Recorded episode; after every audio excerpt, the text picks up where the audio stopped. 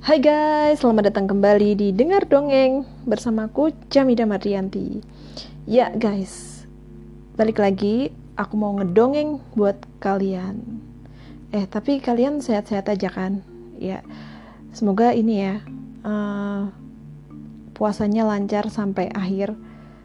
Uh, hari ini ketika aku record ini tuh kita udah masuk ke puasa ke-21. Jadi bentar lagi uh, kita akan merayakan lebaran. Nah sebelum itu hmm, dengerin dongeng aku dulu ya.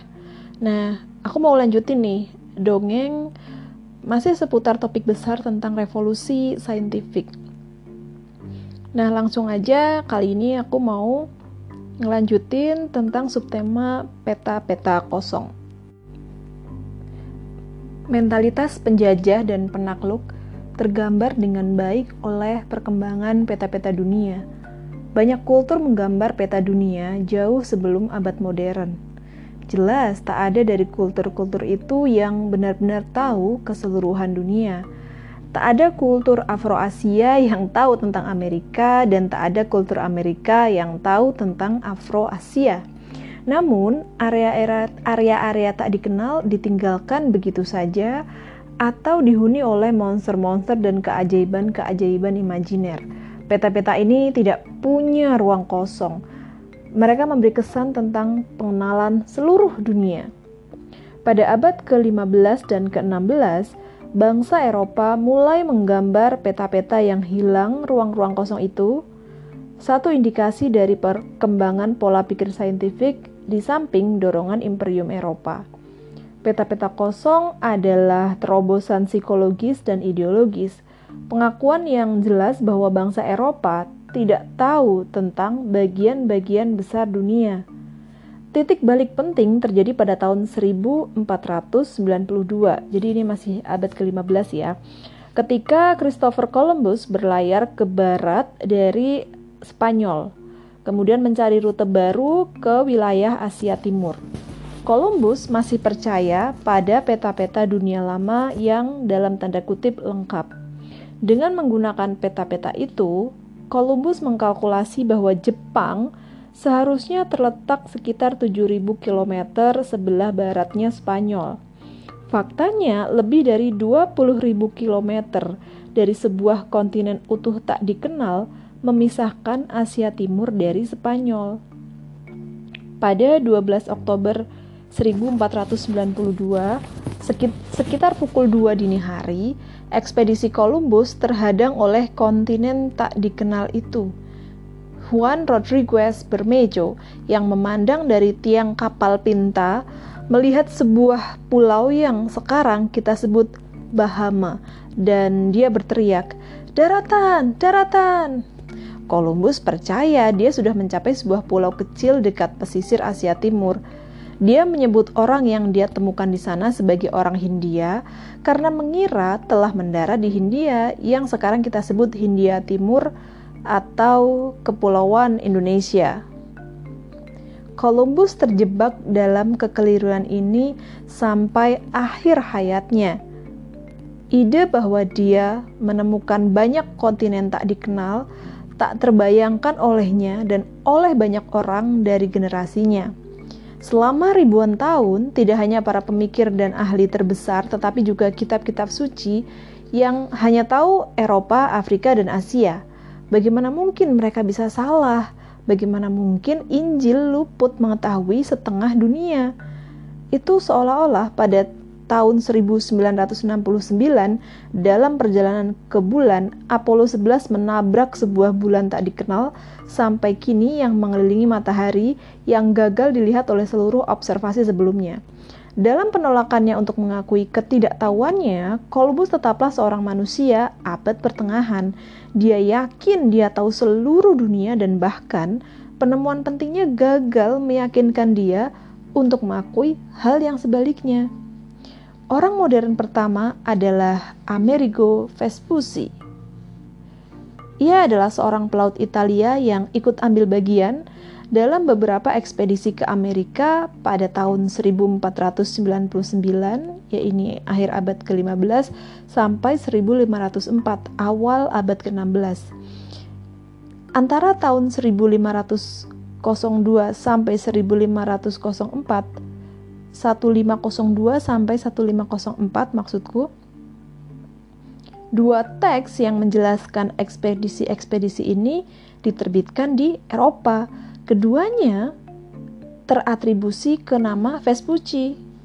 Keduanya mengemukakan bahwa tanah-tanah baru yang ditemukan oleh Columbus bukanlah kepulauan lepas pantai Asia Timur, melainkan sebuah benua utuh yang tak dikenal dalam kitab-kitab suci para ahli geografi klasik dan orang-orang biasa Eropa.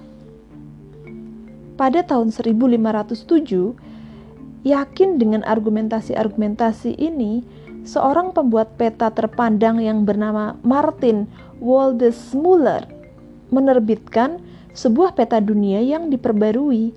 Yang pertama untuk menunjukkan tempat armada-armada Eropa yang berlayar ke barat mendarat sebagai sebuah kontinen terpisah. Setelah menggambar itu, Waldesmuller harus memberinya nama keliru meyakini bahwa Amerigo Vespucci sendiri yang menemukannya, Wallace Muller menamai kontinen itu untuk menghormatinya, yaitu Amerika. Peta Wallace Muller menjadi sangat populer dan disalin oleh banyak sekali pembuat peta, menyebarkan nama yang dia berikan pada tanah baru tersebut. Ada keadilan yang puitis dalam fakta bahwa seperempat dunia dan dua dari tujuh kontinennya dinamai dengan nama orang Italia yang kurang terkenal karena klaim tunggalnya yang terkenal adalah bahwa dia memiliki keberanian untuk berkata, "Kami tidak tahu." Penemuan Amerika adalah sebuah peristiwa fondasi bagi revolusi saintifik. Ia tidak hanya mengajarkan bangsa Eropa untuk menghargai observasi masa kini di atas tradisi-tradisi masa lampau, tetapi hasrat untuk menaklukkan Amerika juga mewajibkan bangsa Eropa untuk mencari pengetahuan baru dan kecepatan yang menggila. Jika mereka benar-benar ingin mengontrol teritori-teritori baru yang maha luas, mereka harus mengumpulkan data baru dalam jumlah yang sangat besar tentang geografi, iklim, flora, fauna, bahasa, kultur, dan sejarah kontinen baru kitab-kitab suci Kristen, buku-buku geografi tua, dan tradisi-tradisi lisan kuno tidak banyak membantu. Oleh karena itu, tidak hanya para ahli geografi Eropa, tetapi juga para sarjana Eropa di hampir semua bidang pengetahuan mulai menggambar peta dengan ruang-ruang yang tersisa untuk diisi. Mereka mulai mengakui bahwa teori-teori mereka tidak sempurna dan bahwa ada hal-hal penting yang mereka tidak tahu bangsa Eropa ditarik ke titik-titik kosong peta seakan titik-titik itu adalah magnet-magnet dan langsung mulai mengisinya. Dalam abad ke-15 dan ke-16, ekspedisi-ekspedisi Eropa menjelajah ke Afrika, mengeksplorasi Amerika, menyeberangi Samudra Pasifik dan India, serta menciptakan jaringan basis-basis dan koloni-koloni di seluruh dunia. Mereka mendirikan imperium-imperium global pertama yang sejati dan menyulam jaringan perdagangan global pertama. Ekspedisi-ekspedisi imperium Eropa mentransformasi sejarah dunia. Dari awalnya hanya serangkaian sejarah orang-orang dan kultur-kultur yang terpisah, kemudian menjadi sejarah sebuah masyarakat tunggal manusia yang terpadu ekspedisi-ekspedisi jelajah dan taklukan ala Eropa ini begitu akrab kita kenal, sehingga kita cenderung berlebihan memandang betapa luar biasanya mereka. Tak ada yang seperti mereka sebelumnya.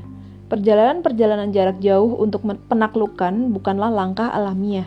Sepanjang sejarah, sebagian besar masyarakat manusia terlalu sibuk dengan konflik-konflik lokal dan pertengkaran antar tetangga sehingga mereka tak pernah berpikir tentang menjelajahi dan menaklukkan daratan-daratan jauh. Sebagian besar imperium meluaskan kontrol mereka hanya dengan tetangga terdekatnya. Misalnya mereka menjangkau tanah-tanah jauh hanya karena tetangga mereka terus berkembang. Jadi, bangsa Romawi menaklukkan Etruria dalam rangka mempertahankan Roma. Mereka menaklukkan lembah Po dalam rangka mempertahankan Ertruria.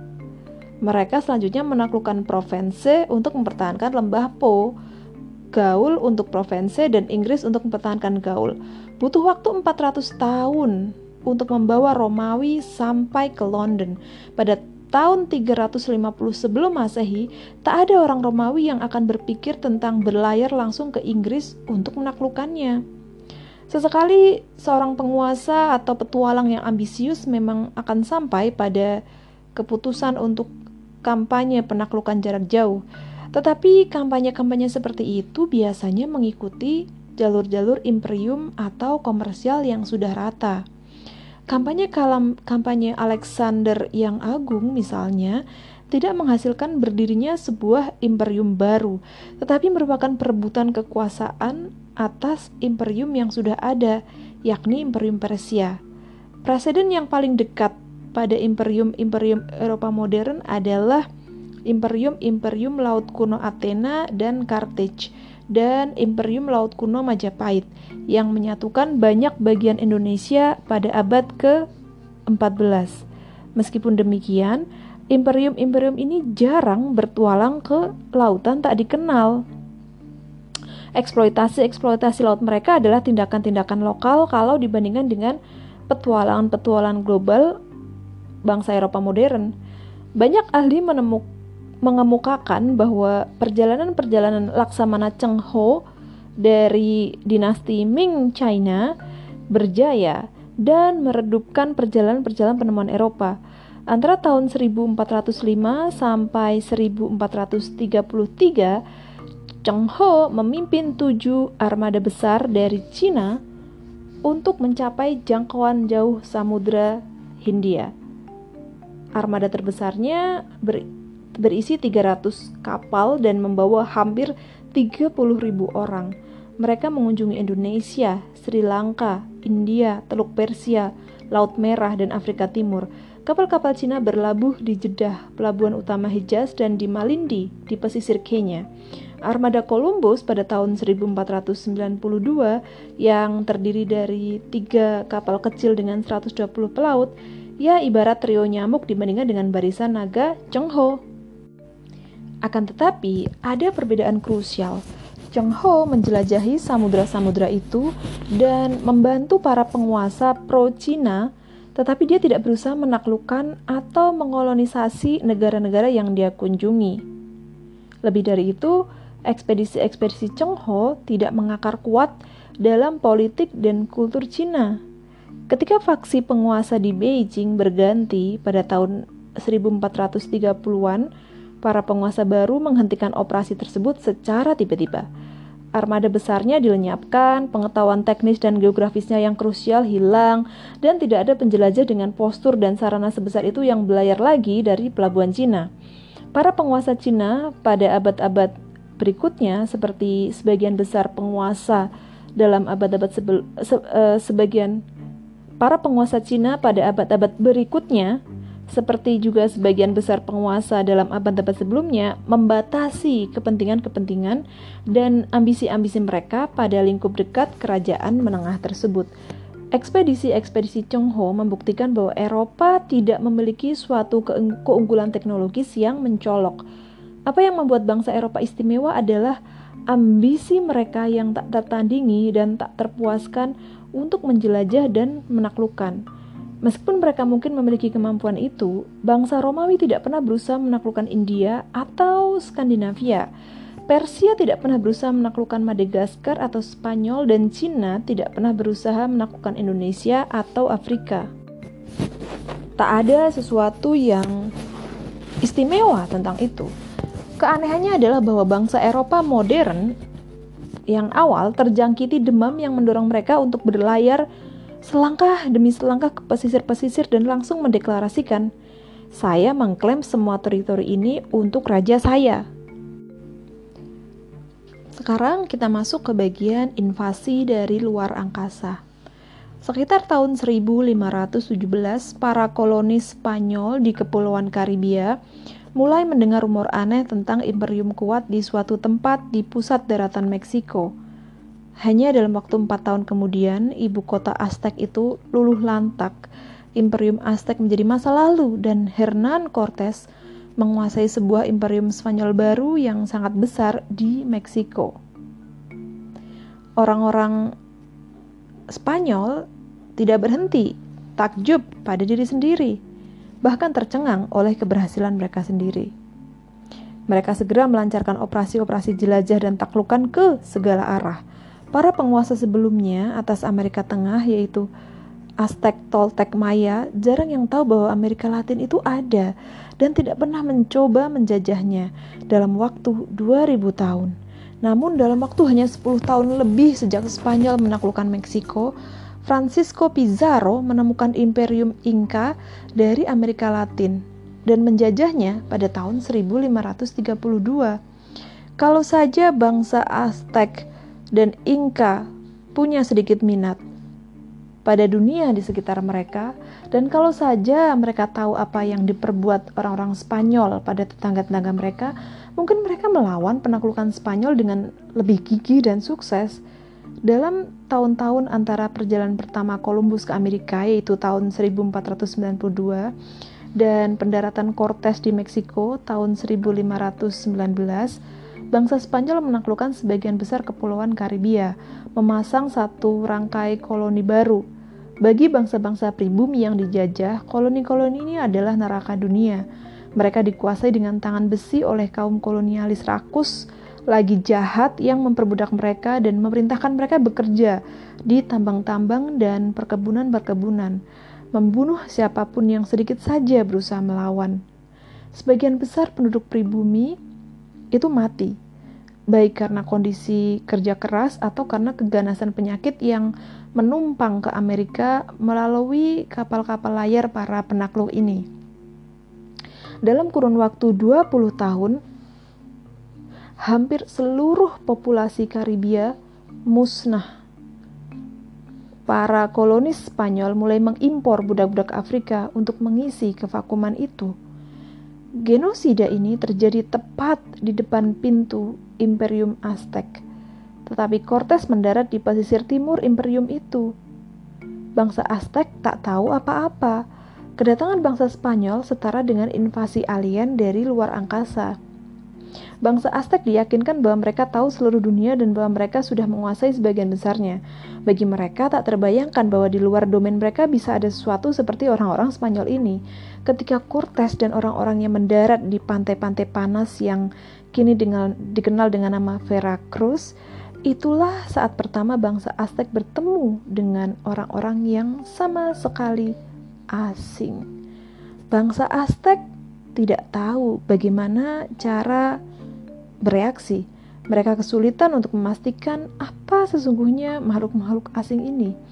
Tak seperti semua manusia yang dikenal, alien berkulit putih. Mereka juga punya banyak rambut di wajah, sebagian rambutnya sewarna dengan matahari, bau mereka busuk luar biasa. Kebersihan pribumi jauh lebih bagus ketimbang orang-orang Spanyol. Ketika orang-orang Spanyol kali pertama tiba di Meksiko, para pribumi dengan membawa dupa yang dibakar ditugasi untuk menemani mereka ke mana pun mereka ingin. Orang-orang Spanyol mengira itu pertanda kehormatan dari Tuhan.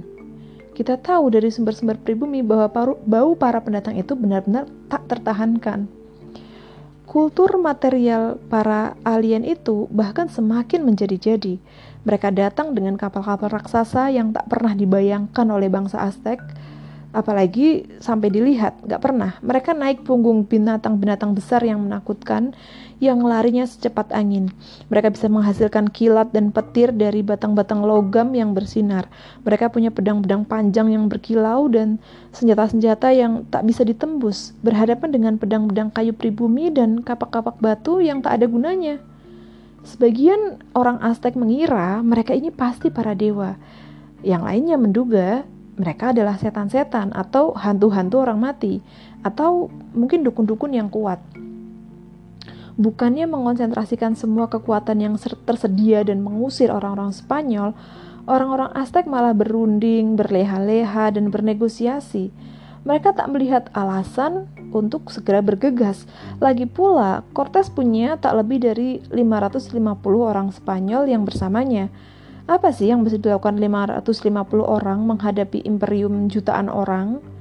Cortes pun sama tak mengertinya tentang tentang bangsa Aztec. Tetapi dia dan orang-orangnya memiliki keunggulan signifikan atas musuh-musuh mereka. Kalau bangsa Aztec tak punya pengalaman untuk bersiap menghadapi kedatangan para alien bertampang aneh dan berbau busuk itu, Orang-orang Spanyol tahu bahwa bumi ini penuh dunia manusia yang tak dikenal dan tak seorang pun punya keahlian hebat dalam menginvasi tanah-tanah alien dan mengatasi situasi yang benar-benar tidak mereka pahami. Bagi penakluk modern dari Eropa, sebagaimana ilmuwan Eropa modern, mencebur ke situasi yang tak dikenal itu mengasyikkan. Maka ketika Cortes melego jangkar dekat pantai bermandi matahari itu pada Juli 1519, dia tak segan untuk bertindak. Seperti alien dalam fiksi sains yang muncul dari pesawat ruang angkasanya, dia mendeklarasikan kepada penduduk setempat yang terkesima, Hei, kami datang dalam damai, bawalah kami ke pemimpin kalian. Cortes menjelaskan bahwa dia membawa tugas perdamaian dari Raja Agung Spanyol dan meminta wawancara diplomatik dengan penguasa Aztec, Montezuma II. Ini kebohongan yang tak tahu malu. Cortes memimpin sebuah ekspedisi independen para petualang rakus. Raja Spanyol tak pernah mendengar tentang Cortes maupun bangsa Aztec. Cortes diberi bimbingan, makanan, dan bantuan militer oleh musuh-musuh setempat dari kalangan bangsa Aztec. Dia kemudian bergerak menuju ibu kota Aztec, kota metropolitan besar bernama Tenochtitlan. Orang-orang Aztec mengizinkan para alien ini bergerak ke seantero ibu kota, kemudian dengan penuh hormat membimbing pemimpin para alien bertemu dengan Kaisar Montezuma. Di tengah wawancara, Cortes memberi sinyal dan orang-orang Spanyol bersenjata logam itu membantai para pengawal Montezuma, ya yang hanya bersenjata pedang-pedang kayu dan pisau-pisau batu. Kemudian tamu terhormat itu menyandra tuan rumahnya. Cortes kini dalam situasi yang sangat pelik. Dia telah menangkap kaisar, tetapi dikelilingi puluhan ribu petarung musuh yang marah, jutaan penduduk sipil yang liar dan segenap kontinen yang praktis tidak dia mengerti sama sekali. Di pihaknya hanya ada beberapa ratus orang Spanyol dan bala bantuan Spanyol terdekat ada di Kuba, yang jaraknya lebih dari 1500 km.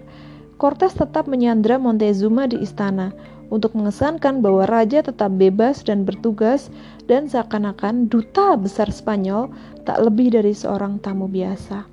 Imperium Aztec, sebuah negara yang benar-benar terpusat dan situasi yang tak pernah dialami itu melumpuhkannya.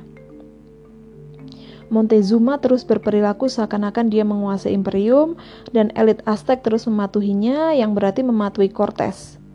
Situasi itu berlangsung selama beberapa bulan dan dalam masa itu Cortes menginterogasi Montezuma beserta para pengikutnya, melatih para penerjemah untuk beberapa bahasa lokal dan mengirim ekspedisi-ekspedisi kecil Spanyol ke semua arah agar bisa mengenal Imperium Aztec dan berbagi sukunya, masyarakatnya, dan kota-kota yang dikuasainya. Elit Aztec akhirnya memberontak melawan Cortes dan Montezuma, memilih seorang kaisar baru dan mengusir orang-orang Spanyol dari Tenochtitlan. Namun saat itu sejumlah retakan sudah tampak pada bangunan Imperium Aztec.